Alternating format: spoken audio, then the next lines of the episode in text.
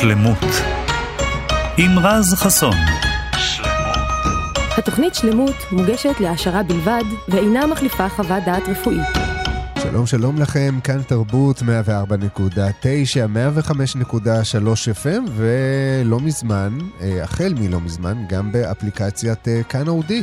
אז אם אתם מאזינים לנו אה, גם שם, אז שלום גם לכם. אנחנו בעוד תוכנית של שלמות, התוכנית השלמה לרפואה משלימה. לי קוראים רז חסון, ואני מארח כאן שוב את הנטורופטית ומנכ"לית המרכז לנטורופתיה ורפואה משלימה, איה הוד. אהלן. היי, איה, מה קורה? מעולה. יופי. אז תראי, הפכנו את התוכנית הזאת לסוג של ביוגרפיה על חייך. כי כל היום... נושא שאנחנו מדברים כן, עליו זה במקרה נושא שממש אליי. קשור אלייך. כן. אז היום אה, ניגע בעוד נושא שקרוב אה, לליבי. לליבך. כן. אז אה, בשנים האחרונות, בעיקר בשנים האחרונות, אנחנו באמת רואים סוג של גידול בתופעה הזאת שנקראת הפרעות קשב וריכוז. זה כל כך גידול שכבר בא לי להקיא מלשמוע את זה.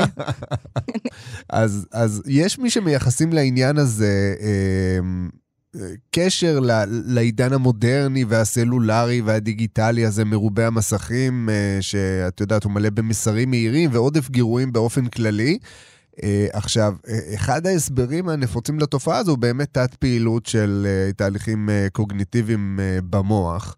אז uh, כשאדם לרוב מילדות מרגיש שהוא לא עומד בקצב הנתונים, אז חלק מהביטויים יכולים להיות גם uh, מוטוריים, זאת אומרת שהפיצוי על חוסר הקליטה הזה יכול לבוא לידי ביטוי בתנועתיות uh, יתר, ואנחנו ניגע בזה בהמשך. עכשיו, למרות שיש לייחוס הזה צידוק מסוים, אז חשוב להדגיש, אולי לא הרבה יודעים, אבל שרק חמישה אחוזים בערך אה, מהסובלים אה, מהמחלה הזאת או מהבעיה הזאת, לא נגדיר אותה מחלה, רק חמישה מהם באמת סובלים מזה מסיבות נוירולוגיות. רוב המופעים של התופעה אה, התפתחו בגלל גורמים התנהגותיים, סביבתיים ותזונתיים. אני, זה גם, אני תכף אדבר על הגורמים, כי יש לי מלא מה להגיד מלא על העניין גורמים. הזה. אתה יודע, כי זה לא הופיע יש מאין. ברור. היו, התופעות האלה, מכיר, מכירים אותם עשרות, עשרות, עשרות שנים לפני כן, רק עכשיו זה הפך להיות אישיו. וזה... זה הפך להיות טרנד. זה הפך, כן. זה כולם... אתה יודע, המילה ריטלין כבר שגורה בפה של כולם, או, כולם זה כבר... זה גם משהו שנדבר עליו. כן, כן, בהחלט. אז, אז השימוש בהגדרה הזאת באמת הפך להיות ממש קל, לדעתי זה חלק מהעניין הזה שאנחנו שומעים על זה יותר בשנים האחרונות, כי זה לא משהו חדש, זה לא איזושהי מגפה שהתחילה באמת יש מאין. עכשיו, כל אחד שמתקשה להתרכז איזה חמש דקות כבר מאבחן את עצמו, נכון? כי יש לי הפרעת קשב, הפרעת קשב וריכוז, אני לא מצליח להתרכז, אז אולי נתחיל גם באיזשהו מסר מרגיע לכלל המאזינים. זה בסדר לא להיות מרוכזים לפעמים, וגם לאבד קשב לפעמים. נכון, ואני תכף אסביר לגמרי. גם ככה על איזה קריטריונים צריך להסתכל כדי להגיד, אה, אוקיי, יש לי את זה. איך ו... מאבחנים את כן, זה בעצם. כן, כן, צריך להבין את זה, זה באמת אה, משהו שחייבים להתעכב עליו. אז זהו, כי חשוב להבין גם שמי שסובלים באמת מהפרעות קשב וריכוז, הם לא סובלים מזה רק בבוקר, או רק בערב, נכון. או רק לפני מבחן גדול, הם סובלים מזה כל הזמן. נכון, ויש גם נטייה לחשוב... שככל שהגיל מתקדם, אז, זה נעלם. לא, אז, אז לא. אז לא רק שרוב האנשים זה לא נעלם אצלהם. הרבה פעמים ככל שהגיל מתקדם... וואי, זה הולך ומחמיר. ההתמודדות מאוד מאוד קשה. המחיר שמשלמים, לפעמים אפילו ברמה של, של גירושים, של אה, אובדן עבודה, של אה, מאוד מאוד קשה, אובדן חברים. תכף נרחיב למה? על זה. למה? כי כשאתה ילד אז, אז זה יותר מותר, זה יותר לגיטימי. אה, לא, אני חושבת שכילדים יש יכולת, במיוחד עם הכלים שעומדים לרשותנו היום, יכולת להתמודד יותר טוב, וכשאתה מבוגר, יותר קשה לך להתמודד עם זה. שזה, למרות שזה שהרבה הגיוני, פעמים... כי החיים שלך הופכים להיות מורכבים אה, לא הגיוני, יותר. לא הגיוני, כי לא? היינו, רוצים להאמין שדווקא כמבוגרים, יש לנו יותר יכולת, יכולת להשתלט, להתמודד, אבל זה באמת מאוד אישי ואינדיבידואלי ותלוי בבן אדם. ובחומת באמת, אה, הבעיה. נכון. כמובן. אז יש לנו גם את ה-ADD, שזה נכון. הפרעת קשב וריכוז, ויש את ה-ADHD. זאת אומרת ש... שזה לא הפרעה אחת בכלל, כי נכון. הרבה פעמים מתייחסים אליה כהפרעת קשב וריכוז, ולוקחים בפנים את כל מה שאנחנו מכירים, אם זה ממקרים מפורסמים או מסרטים, אה, אבל, אבל בעצם יש פה חלוקה מסוימת שלבן אדם, זאת אומרת, הוא לא חייב להתאפיין אה, נכון. על פי אה, שני הסוגים. נכון, וגם אתה יודע, יש כאלה שנופלים בין הכיסאות. כי יש את ה-ADD, שזה הפרעת קשב וריכוז, ויש את ה-ADHD, שזה היפראקטיביות, ויש כאלה שיש להם SPD. אוקיי. Okay. שזה אה, קושי בוויסות החושי. אצלנו יש את הכל ביחד, אז. אז זה בכלל, זה מסיבה אחת אה, גדולה כל הזמן. והרבה פעמים, כן, הרבה פעמים זה גם ADHD פלוס SPD, הקשיים בוויסות החושי, והרבה פעמים זה בכלל בלי ה-ADHD, ובטעות מאבחנים את ה-SPD, בטעות מאבחנים את זה כ-ADHD, וזה בעיה. אם מאבחנים את זה לא נכון. אוקיי, אז זה בואי מאוד דומה. נפרק, אז בואי נפרק ממש בקטנה אה, אה, כל סוג. בואי, בואי נתחיל מה-ADD. ADD זה פשוט העניין של הקשב, של הריכוז, של היכולת להתרכז. יש שם אה, את כל התסמינים, שתכף נרד לה, באבחון, אנחנו מבחינים, נרד לתסמינים. ב-ADHD פשוט אתה מוסיף את ה-H. ה-H זה ההיפראקטיביות. אוקיי. זה אותו דבר, רק מאוד משתולל עם היפראקטיביות. Um, הרבה פעמים, כהורים לילדים האלה, אנחנו סובלים לא פחות מהילדים. מהמם. כי אה, אה, זה כאילו איזושהי תחושה של אה, חוסר אונים, איך אנחנו עוזרים לילד. אנחנו רואים שהילד סובל. וזה התפקיד שלך, לעזור לו, אתה שם בשבילו. נכון, וצריך תמיד לזכור שהמטרה שלנו זה טובת הילד. ואני אגלה סוד, אני ככה מקדימה את המאוחר. אני אמנם באה כאן בתפקיד הנטורופטית והמטפלת הטבעית וכולי וכולי, אבל uh, אני ממש לא מתנגדת לתרופות. יש אבל מאוד גדול, אנחנו נדבר על זה אחרי זה, אבל אני לא מתנגדת לתרופות. לפעמים התרופות האלה יכולות להציל חיים של משפחה. אז uh, יש הרבה מה לעשות לפני התרופות, וכשמגיעים לתרופות צריך לדעת איך, כמה, מתי וכולי, ולא כל דבר לשלוף ישר ריטלין וכאלה. כן. נדבר על זה בהמשך, אבל זה היה ככה חשוב לי להגיד את זה עכשיו. אז בואי נדבר רגע על ADD ברמה של ילד שסובל מ-ADD. איך הוא, איך זה יבוא לידי ביטוי? בוא נגיד שקודם כל יש קושי בהקשבה לפרטים קטנים. יש הרבה ריבוי של טעויות, אה, הרבה פזיזות כזאת, קושי בשמירה על קשב, ממש בעיית ריכוז. זה נראה כאילו הרבה פעמים הם לא מקשיבים, אוקיי? דרך אגב, אצלי זה נראה בבית כאילו הם לא מקשיבים. לא, אבל זאת בעיה אחרת. הם שומעים שמקשיבים הכל. פשוט זה שמיעה סלקטיבית. סלקטיבית, כן. יש קושי בארגון, אה, קושי להיאבק, ב, ב, לעקוב אחרי הוראות, לאבד חפצים, מין שכחנות כזאת בפעילות היומיומית. הרבה פעמים הדעה מוסחת בקלות. אה, הם מנסים להימנע והם לא אוהבים פעילות שדורשת קשב מוחי ואיזושהי התארגנות שהם צריכים להתרכז לגבי משהו. זה מאוד מאפיין אותם. אוקיי, אז אם אנחנו מדברים באמת על התוספת הזאת... של ה-H? כן, כלומר, אם אנחנו לא, אם, אם לא התבאסנו מספיק שקשה לנו אה, להתרכז ולשמור על, אה, על קשב, אז עכשיו יש עוד משהו ש, שהופך את הבעיה הזאת להרבה יותר אה, בעייתית, שזה באמת היפראקטיביות, שזו תנועתיות זה יתר. לזוז כל הזמן, לזוז במקום, לזלוג מהכיסא, קשה נורא לשבת במקום אחד או בכיתה, מתקשים אה, אה, כל הזמן, הצורך לרוץ ולהשתולל, אצלנו יש, אה, המורים יודעים. שצריך לתת, לעשות סיבוב ריצה סביב המגרש ולחזור לכיתה, או איזושהי פעילות שאפשר להביא משהו אותה... שפורק. כן, אפשר להביא פופים לכיתה, כדורים כאלה של פיזיו שאפשר לשבת לקפוץ עליהם וכולי. הם, הם מאוד מאוד מתקשים להשתתף בפעילויות שדורשות שקט. כן. יש המון המון את מרץ. צוחקת, אבל אני רואה שזה לא באמת מצחיק אותך. לא, ממש לא. אתה לא יודע כמה לא. הם, הם מדברים הרבה, הם אוהבים לקשקש, מה שהמורה קוראת, הילד מפטפט. הילד מפטפט. כן, בס- בשפת הורים, הילד שלך מפטפט. זה, ה, זה מה שההורים שומעים. הם, הם גם עונים לתשובה לפני שמסיימים לשאול את השאלה. זה מוכר לך העניין הזה? בוודאי. לא, אבל אני מכיר את זה דווקא מאנשים שהם בטוחים שהם יודעים הכל. אה, אוקיי, בסדר. אתה לא צריך להמשיך לשאול את השאלה, אני יודע מה עובר לך אז בראש, אני שם אגיד זה לך. ממש, נו- ממש נובע מהקטע של חוסר סבלנות. כן, יאללה, רוצים ה... כן, כן. לתקתק, כן, תכלס. אנשים של תכלס. וזה נורא מפריע לאנשים, לילדים מסביב. אמ, לצערי, הרבה פעמים מצבים כאלה מלווים בדיכאון, בעייפות, קשיי למידה. אמ, והאמת היא שלצערי חלק מהתסמינים יכולים גם להיות אמ, אימפולסיביות, פתיל קצר, מה שנקרא. אה, והרבה פעמים בעקבות זה משלמים מחיר, גם חברתי דרך אגב. זה לא כיף בכלל. פה אני צוח- צוחקת בעצב, כן. כי כן, יש לזה השלכות. יש לזה השלכות, וחשוב להגיד שלא, אה, עוד פעם, אנחנו נותנים פה את המאפיינים המאוד כלליים, אבל לא כולם חייבים, אה, זאת אומרת, לא כל מי שסובל מזה חייב לסבול מזה באותה עוצמה.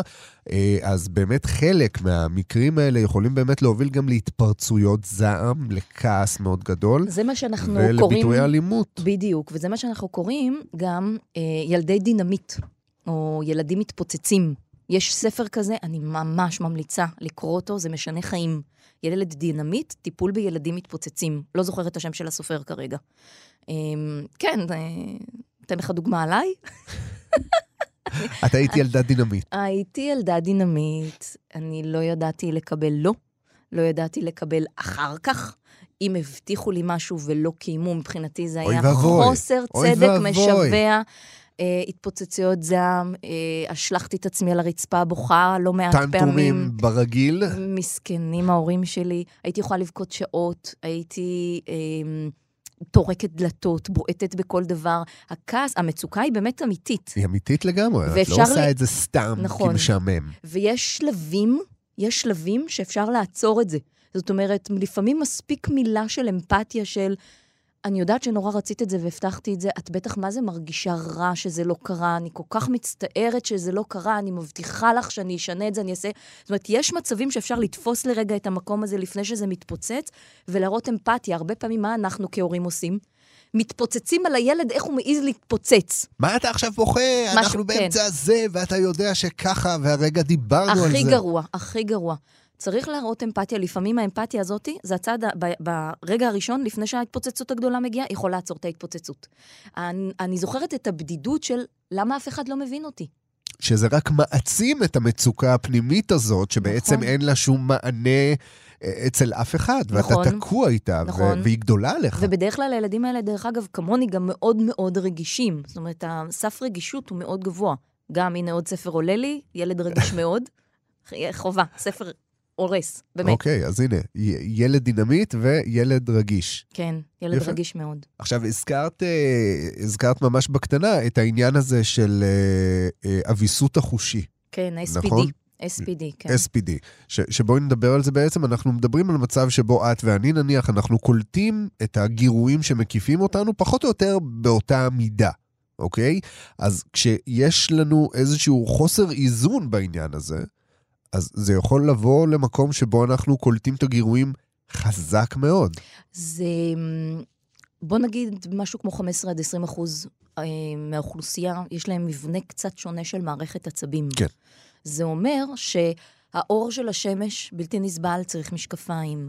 הרעש בלתי נסבל. אני זוכרת שהייתי צריכה להכין לקראת, לקראת צלצולים אפילו בבית ספר, ל- ל- ללמד איך לקרוא את השעון כדי לדעת שנייה לפני, או לבקש מהמורה שנייה לפני להכין, הנה, עוד מעט יש צלצול, צריך להתארגן, לא להיבהל. או אני למדתי לבד, אף אחד לא לימד אותי, להכין נפשית לפני שאני מפעילה מיקסר, שואב אבק, בלנדר, אה, אה, כל כלי שעושה רעש. אה, אין מצב לישון עם אה, שעון מחוגים בחדר. לא, ממש לא, והפתק פה בחולצה מאחורה, צריך לגזור אותו, הטיקט. שאי אפשר לאשר אותו. לא, והפס בגרב של התפר, מ, מזעזע. וללכת על הקווים, לא ללכת על מקומות אה, אה, עם מרקם לא נעים. קשה ללכת לפעמים על חול, או על דשא, או דברים כאלה. הכל מאוד מוגבר. בשבילי להיות בקניון, זה התקפה. זאת אומרת, סף רגישות מאוד גבוה, כן. והסף סיבולת מאוד נמוך זאת אומרת, עם הזמן, האלה. בדיוק, עם הזמן, במיוחד אם אתה עייף, אז הסף הרבה יותר נמוך, ואתה פשוט יכול להתפוצץ מעצבים, כי אתה לא יכול להכיל, אתה תובע מכל הגירויים האלה. אוקיי, אז בואי באמת ניגש למה עושים כשהילד שלך, או אפילו אם אתה סוחב אה, עניין כזה כבר אי אילו שנים, איך, איך ברפואה אה, מתייחסים לעניין הזה? כי בסך הכל מדובר באמת על איזשהו תהליך קוגניטיבי, בדרך כלל אנחנו מדברים פה על אה, פחות בעיות התנהגותיות, יותר על מחלות, יותר על פתולוגיות, אם זה סכרת, אם זה אה, כל מיני אה, סימפטומים כמו נשירת שיער מוגברת, אבל הנה, פתאום אנחנו מתעסקים במשהו שהוא, אה, אה, אה, בוא נגיד ברוב המקרים, הוא איזשהו עניין, אה, עניין התנהגותי. תראה, יש הרבה גורמים, לא רק אה, פסיכולוגים והתנהגותיים, יש גם אה, מצבים, כמו שאמרת, או נוירולוגים, יש אה, אה, אה, גורמים שאפשר להגיד להם, לקרוא להם גורמים רוחניים, כל מה שמדבר על ילדי אינדיגו וילדי הקריסטל. אני למשל ילדת אינדיג- אינדיגו, אני צריכה הייתי לפרוץ מסגרות כי הן לא יכולות להמשיך להתקיים כמו שהן התקיימו במאה השנה האחרונה. אז זה חלק כביכול מאיזשהו תפקיד, וכל הילדים האלה שמגיעים עכשיו אמורים להתמרד כנגד המערכת הזאת, כדי לשבור אותה ולשבור את המוסכמות. אבל uh, גורמים uh, יכולים גם להיות... Uh, uh, תורשתיים. הרבה פעמים הורים מגלים על עצמם שיש להם את ההפרעות קשב וריכוז, אחרי שיבחנו את הילד. כן. כי אז פתאום הם נכנסים לכל מיני אבחונים וכל מיני תהליכים ומזהים סימנים, סימנים כאלה גם בעצמם. סימנים דומים אצלהם, בדיוק. כן. דרך אגב, אצל בנים, פי עשר יותר. מפתיע. ממש מפתיע. כן. אז את, זאת אומרת, כבר נכנסת לסטטיסטיקה ש, שבדרך כלל לא קל לאנשים להיכנס אליה. גם אישה, ילדה בזמנה. אמ, וגם... דרך אגב, לי יש את ה-SPD, את הרגישות, את הכביסות החושי. אין לי הפרעת קשב וריכוז. יש לי אותה המון בבית, אבל אני... משלימים לך משלימים, את החוסרים, כן. בכיף, לא כן. תצאי מקופחת. כן. אז, אז זהו, איך באמת מטפלים בזה? לפני איך מטפלים, קודם כל איך מאבחנים, כי חוץ מלשאול, הרי יוצאים אה, מנקודת הנחה שזה מתחיל בגיל צעיר, אז הרבה פעמים כשמגיעים לרופא, תמיד שואלים על הינקות, ורוצים לשמוע מה המורים אומרים, ומה הגננות אומרות. על מדי... התהליך ההתפתחותי של הילד. כן, ממש מתשאלים את כולם, מורים, מחנכים, עושים בדיקה פיזית מקיפה, כולל אה, בעיית שמיעה. אתה יודע שפעם אחת שמעתי סיפור על אה, ילד עם כל התסמינים הקשים ביותר של הפרעת קשב וריכוז. מסתבר שאין לו שום דבר מזה. הילד פשוט היה עם בעיות שמיעה. ופתרו לו את זה ברגע שהבינו שזה, נופע, שזה על בעיית שמיעה, הילד פשוט לא שמע. פתרו את הבעיה, כל התסמינים נעלמו. לכן חלק מהאבחון, ואני אומרת את זה להורים, קודם כל בדיקת ראייה, בדיקת שמיעה, כי אם הילד ישמע טוב, ויודעים בוודאות שזה לא בגלל שהוא לא שומע, אז כבר שוללים פה איזשהו משהו מאוד מאוד חשוב. זאת אומרת, קודם כל לבדוק באמת את ברור. הכלים החושיים שלנו שהם עובדים כמו שצריך. לגמרי. ושאין בעיה בקולטן. נכון, אז מעבר ללבקר, לפשול את ההיסטוריה ולעשות בדיקה פיזית וגם בדיקת דם, כי אנחנו רוצים לראות uh, גם את ההתנהלות של בלוטת התריס. זה גם מאוד מאוד חשוב לנו פה. והרבה פעמים גם עושים EEG, כי אם יש משהו שמחשיד למחלת מוח או אפילפסיה. בקיצור, EEG. בדיקת אותות החשמל אה, של המוח. כן. כן. ההבחנה היא אמנם בעיקר קלינית על פי תשאול, כמו שעברנו קודם את התסמינים, וזה כן. משהו שמתשאלים לגביו, אבל כן חשוב לבדוק אה, אה, גם את זה. ולפעמים אה, מאוד מאוד חשוב להשתמש במכשיר שבודק קשב לאורך זמן, אבל זה לא לצורך אבחון, זה יותר כדי לבדוק איך הטיפול עובד. זאת אומרת, רוצים למדוד מה, מה השיפור בקשב. זה, זה מה שחשוב. אמ, זהו, האבחון, דרך אגב, מאוד חשוב, זה לא כל אחד, אמרת קודם בהתחלה, כל אחד שיש לו קצת הפרעת קשב, וכן, כן, כן. אנחנו כן. מתים על זה. כל אחד יכול הרי לזהות את עצמו, האלה. כן. בטח. אנחנו יכולים לזהות את עצמנו בסימפטומים האלה של דעת מוסחת, של היפראקטיביות, של ככה, זה לא. בדרך כלל, אה, אה, הסימפטומים צריך, צריכים להימשך בתדירות גבוהה, יותר מילדים אחרים.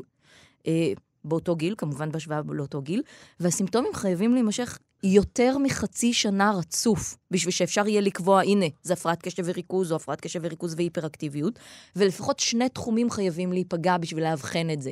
למשל, אם זה בן אדם מבוגר, אז גם בבית וגם בעבודה.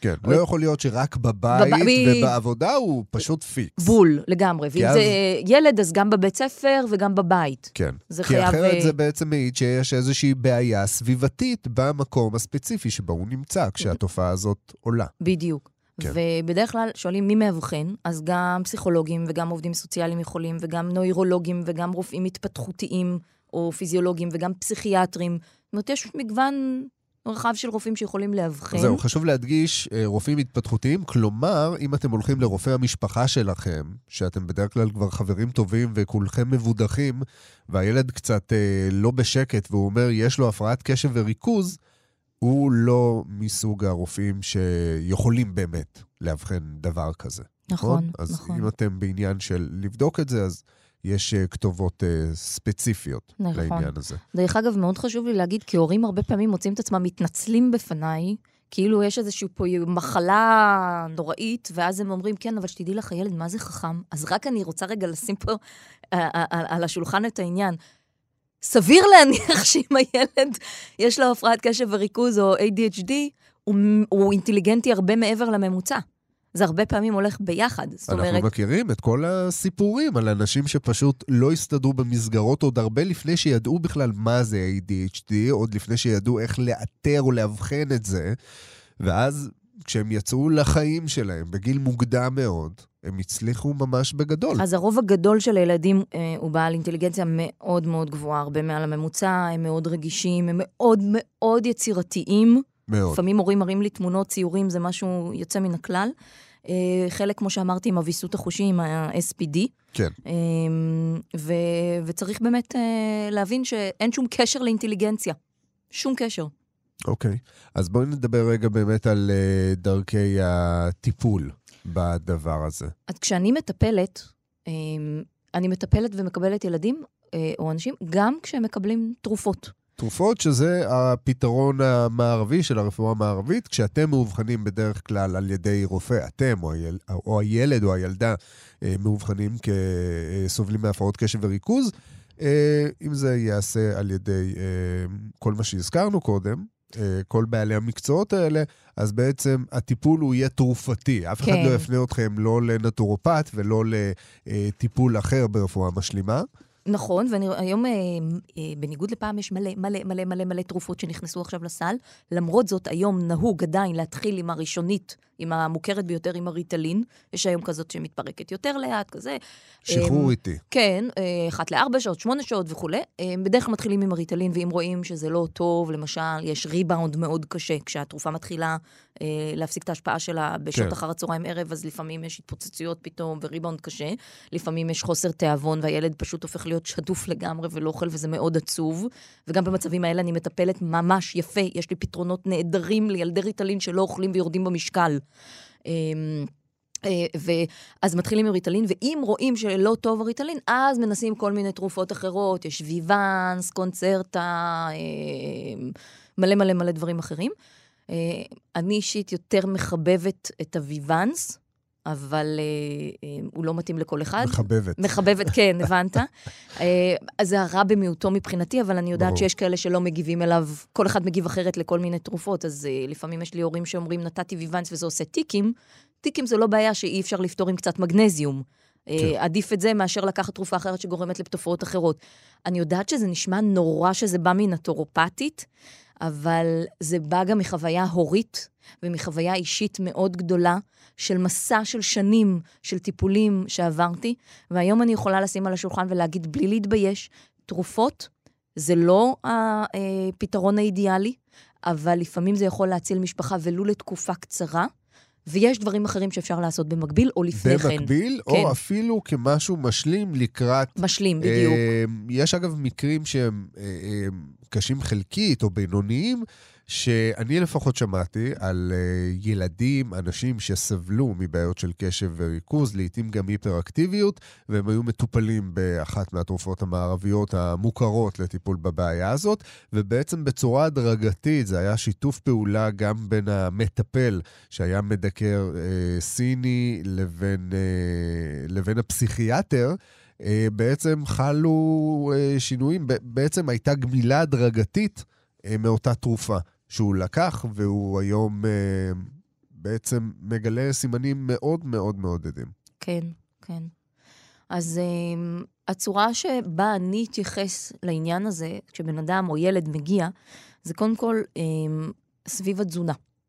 יש אה, תיאוריה שנקראת תיאוריית פיינגולד, כן. אמ, שמקשרת בין אה, מה שיש לנו באוכל, כל מיני תוספים כימיים במזון וחומרים משמרים וכל מיני מזונות אה, קלוקלים.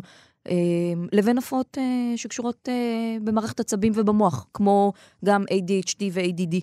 אה, היה רופא שקראו לו דוקטור בן פיינגולד, רופא ילדים, הוא היה מומחה לאלרגיות, והוא העלה את התיאוריה הזאת, שמזונות שמכילים אה, מה שנקרא סליצילטים, חומרים שנמצאים בצבעי מאכל, צבעי... טרטרזינים, כל מיני כאלה, נכון? כן, אז הם אחראים העיקריים להיפראקטיביות, ויש מעל 5,000 סוגים של כימיקלים בצורה של צבעי מאכל, חומרי שימור, ריח, טעם וכולי, אמ, ומה שהזכרת, סליצילטים.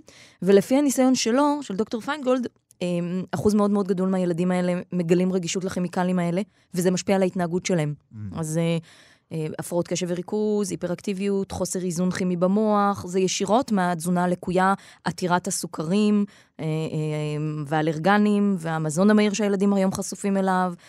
ואצל ילדים זה קריטי, גם כי המערכת שלהם היא פחות מיומנת בניהול החומרים האלה, גם מימדית, הם קטנים יותר, אז בעצם קל מאוד להשפיע עליהם פיזית וגם אתה יודע, הזאת. אם יש שם את הרגישות והוויסות החושי, אז בכלל יש רגישות גדולה לחומרים האלה. זה כבר פצצת אטום, כן. לגמרי. וכמו שהזכרת, הטטרזין, שזה מה שנקרא E102, הוא אחד החומרים היותר אה, אלימים כן. מהבחינה הזאת. זה נמצא, אתה יודע, ב... עד לא אה... לא מזמן הוא היה בשקדי מרק, בכלל דברים שילדים בדרך כלל אוכלים. גלידות, תרכיזים, כן, כן, כן, אבקות כן. מרק, ממתקים, סוכריות, אה, איך זה נקרא?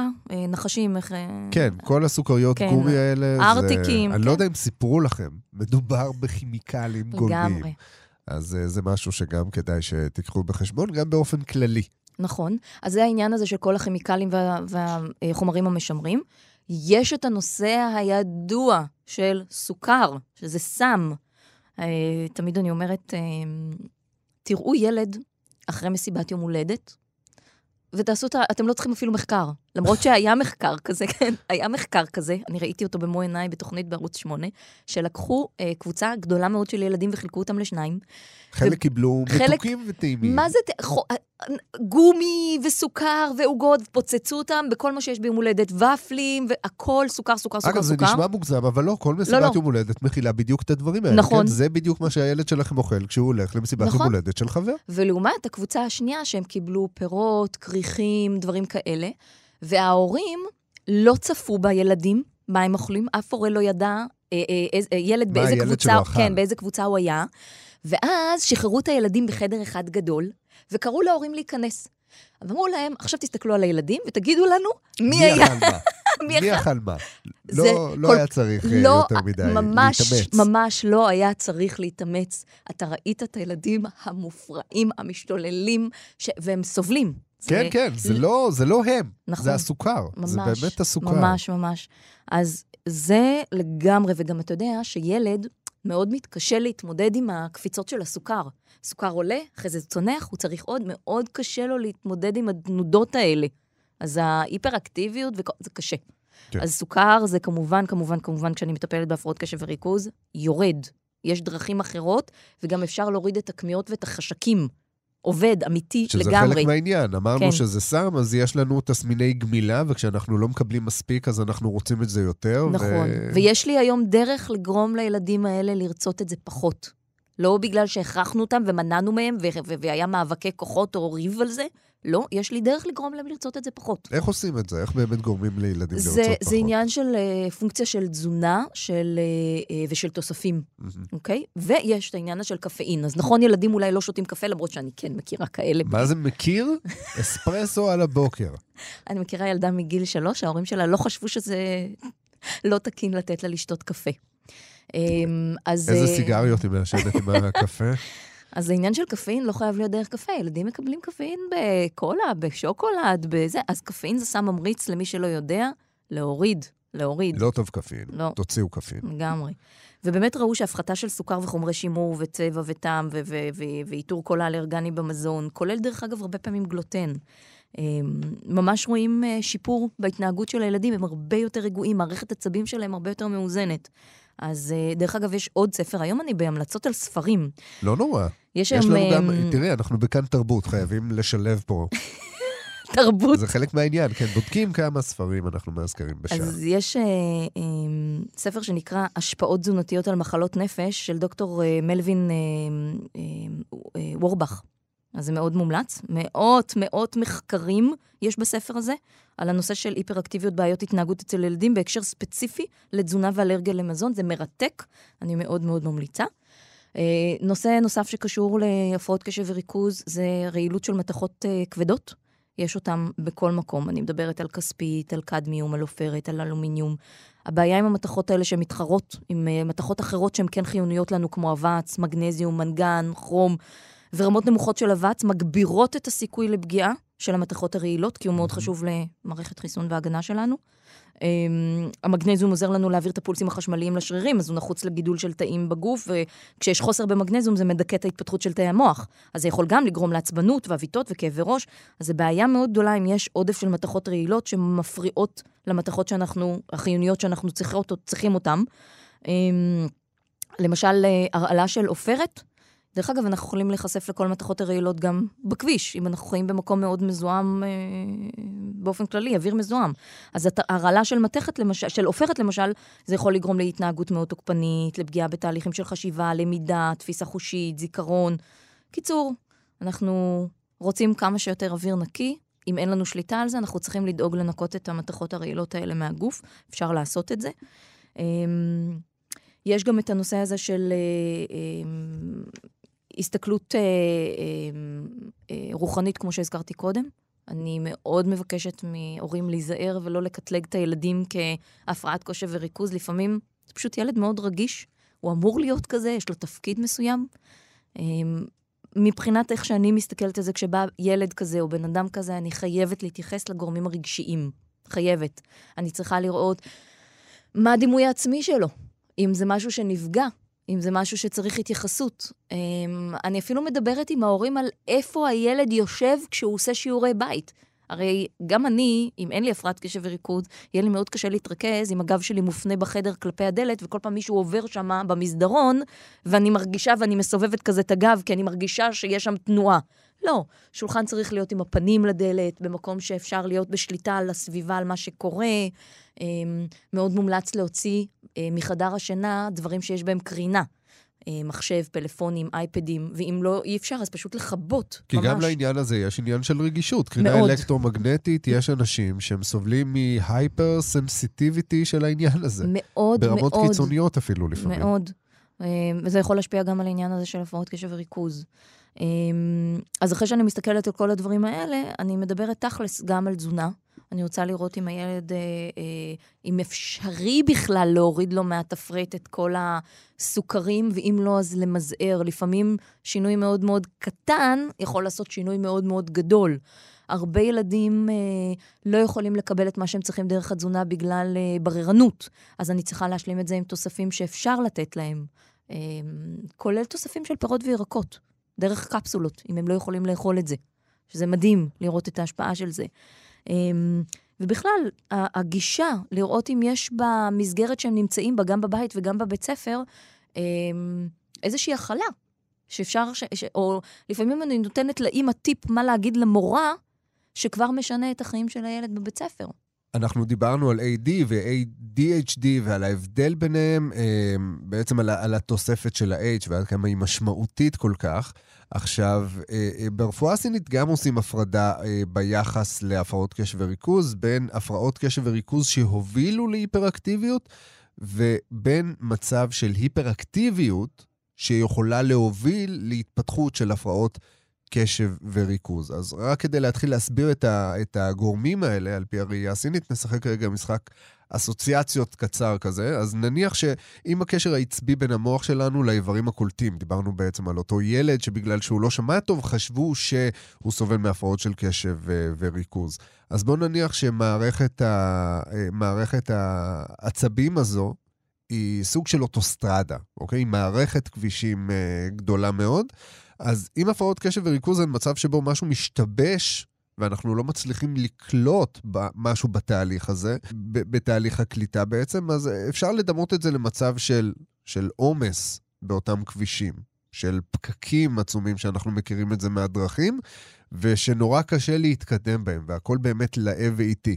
עכשיו, כשאת חושבת על משהו לאה ואיטי, מה אסוציאטיבית, מה עולה לך בראש? זה סטגנציה, זה תקיעות. אז זה בדיוק... זה פקק. זה פקק. זה פקק, זה בעצם סוג של חיפוי כזה שהופך את התהליך להרבה יותר איטי, להרבה יותר כבד ולאה.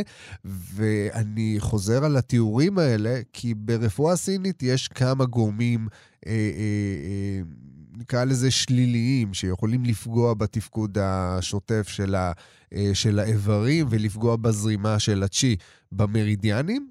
אז אחת הסיבות היא סטגנציה באמת, שזה בעצם תקיעות שיכולה לנבוע מכל מיני, אה, מכל מיני סיבות, ואחת הסיבות אה, השכיחות זה כתוצאה מעודף לחות. Mm. עכשיו, לחות זה משהו, זה, זה לא הלחות שאתם כמובן מכירים, שמצטברת לכם על הדופן של אה, כוס התה או משהו מהסוג הזה, אבל ברמה התיאורטית, כן, אנחנו מדברים פחות או יותר על אותו הדבר. לחות שיוצרת ערפל, והערפל הזה בעצם ממסך. זה, זה בעצם מה שאתה מגדיר כ-ADD? ADD, אוקיי, בלי נכון. ה-H. בלי זה ה-H. המיסוך הזה, זה ה... נכון. אוקיי. אנחנו בעצם מדברים על מצב שבו יש לנו סוג של, סוג של לחוץ, סוג של מיסוך. תחשבו על מצב שבו אתם יוצאים החוצה ל, אה, לדרך, וגם אם הכבישים יחסית פנויים, יש ערפל כבד, ואתם מתנהלים ממש באיטיות כדי לא לפגוע בשום דבר. זה פחות או יותר מה שעובר על, אה, על אותם ילדים, ילדים, אנשים כן. שסובלים אה, מ-ADD, ו- ובמצב כזה אנחנו בעצם מדברים על זרימה מאוד איטית של צ'י אה, אה, במרידיאנים, וזה מעכב בכלל לא רק תהליכים אה, קוגניטיביים, כך שלרוב אתם תראו שהילד, עוד לפני שדיברתם איתו, עוד לפני שסיפרתם לו סיפור, אתם רואים שהילד הוא קצת יותר, קצת יותר סלואו כזה, מהמם. אוקיי? ושוב, זה לא מעיד על אינטליגנציה חלילה, זה פשוט כאילו הוא עובד על איזשהו וולטאג' חשמלי נמוך. אז בעצם ברפואה לאט. הסינית, כשמטפלים במצב כזה, צריך להניע את הצ'י? דרך דיקור או דרך צמחים? הנאה של הצ'י זה בעצם המצב האופטימלי אה, לטיפול בכל בעיה כמעט. זאת אומרת, גם אם אנחנו מדברים על כאב, שזה אחד מהביטויים של סטגנציה, אז כמובן אנחנו נרצה להצ... לה- להניע את הצ'י, אבל דווקא במצב הזה, בגלל שישנה לחות, ו...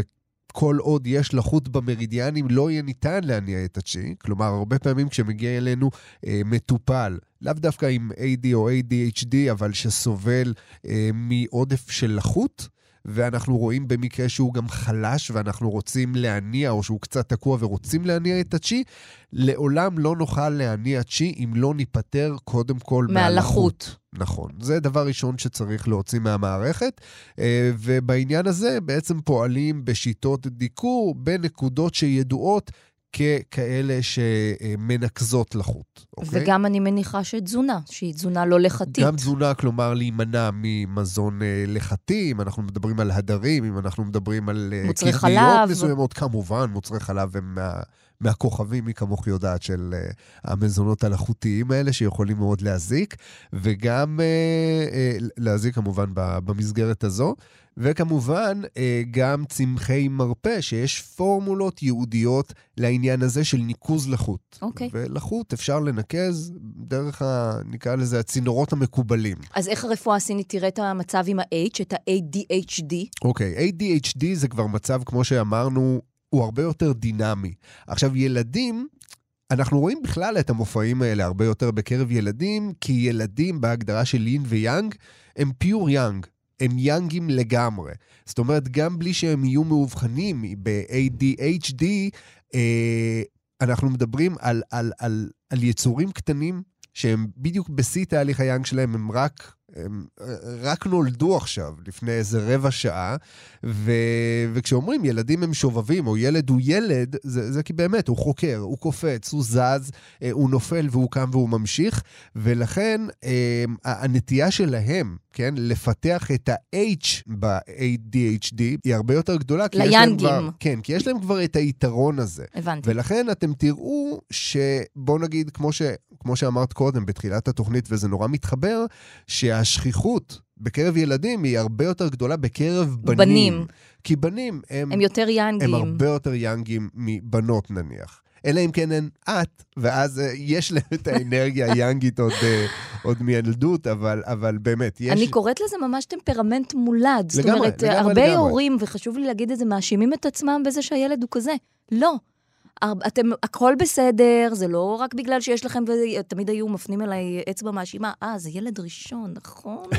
את לא יודעת לא- לטפל כן, בעניינים, כן. את עדיין צעירה מדי. בבקשה, הורים, יש דבר כזה שנקרא טמפרמנט מולד. יש ילדים שנולדים עם אתם פלפל, מה לא לעשות? אשמים.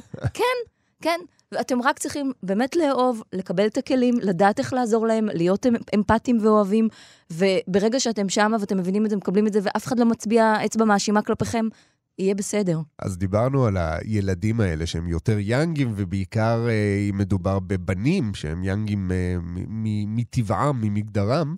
אה, אז יש עוד משהו, דיברנו על, על לחות, יש עוד גורם שמשפיע מאוד חזק אה, על המערכת ברפואה הסינית, וזה החום. אנחנו דיברנו עליו המת... בפעמים האש קודמות. המתפרצת. האש המתפרצת, כמו שאמרת, כמו שתיארת את עצמך נניח כילדה, אין דבר כזה עוד מעט, אין דבר כזה זה. אני מאוד לא סלחנית כלפי זה, ממש אש באלמנט שהיא בוערת, מתפרצת, לפעמים שורפת. ואם זה משהו שהוא חלק מהאישיות של הילד, איך מטפלים בזה בסיני? הרי מה, מורידים לו את האש?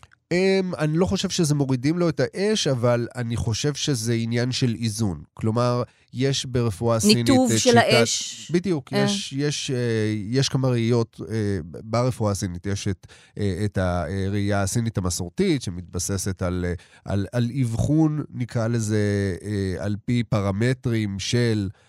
סימפטומים, זאת אומרת, מה הבן אדם או מה הילד מראה כדי לקבוע אה, מאיזה סינדרום הוא סובל וככה אנחנו מאזנים את זה.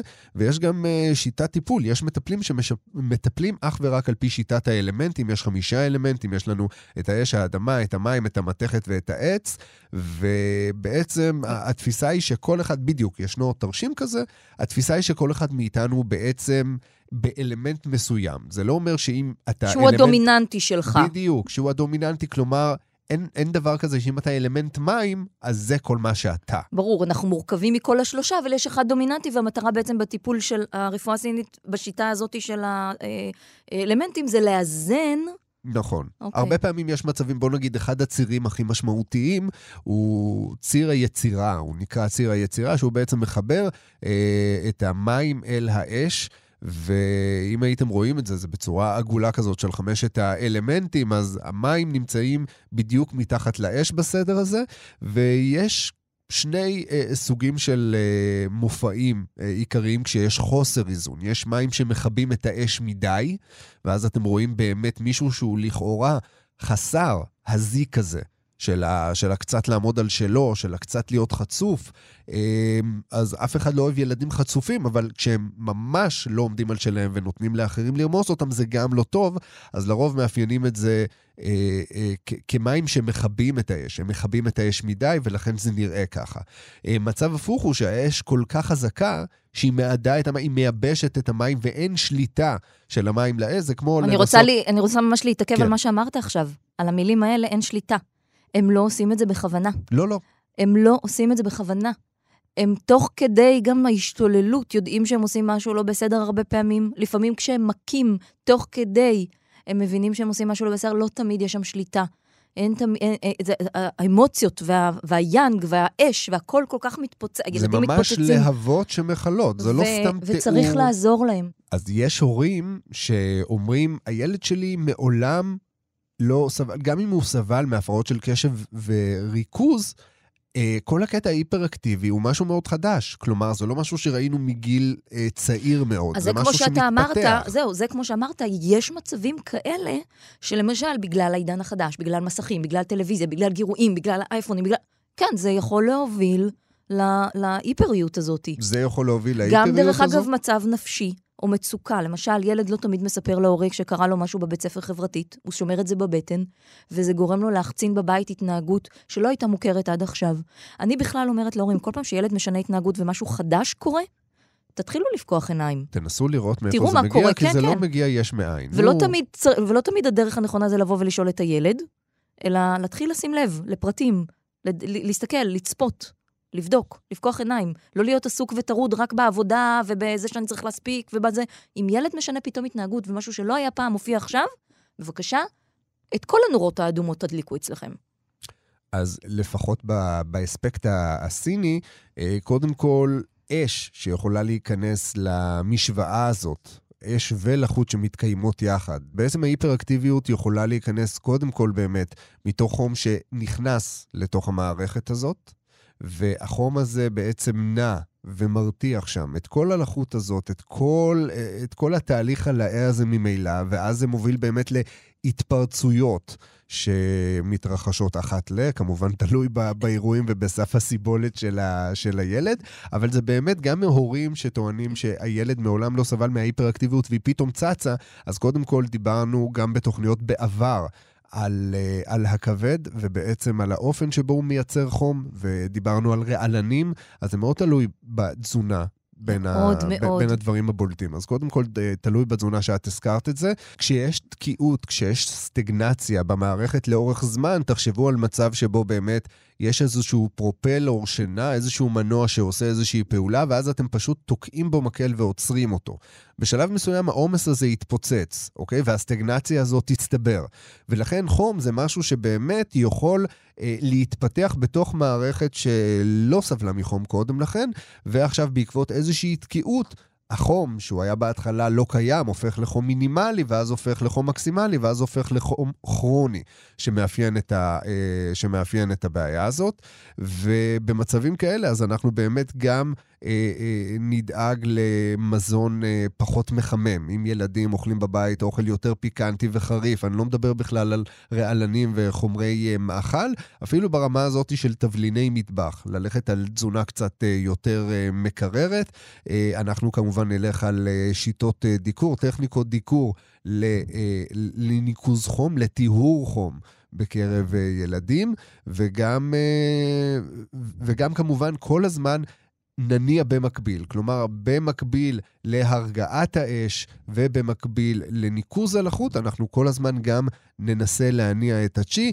אה, במצבים האלה, בדרך כלל, אלא אם כן שוב מדובר על בעיה בוויסות החושי, אנחנו נמליץ על אה, טיפולים בשיאצו או בטווינה, שזה מאוד מאוד גם נעים, גם הרבה פעמים מרגיע.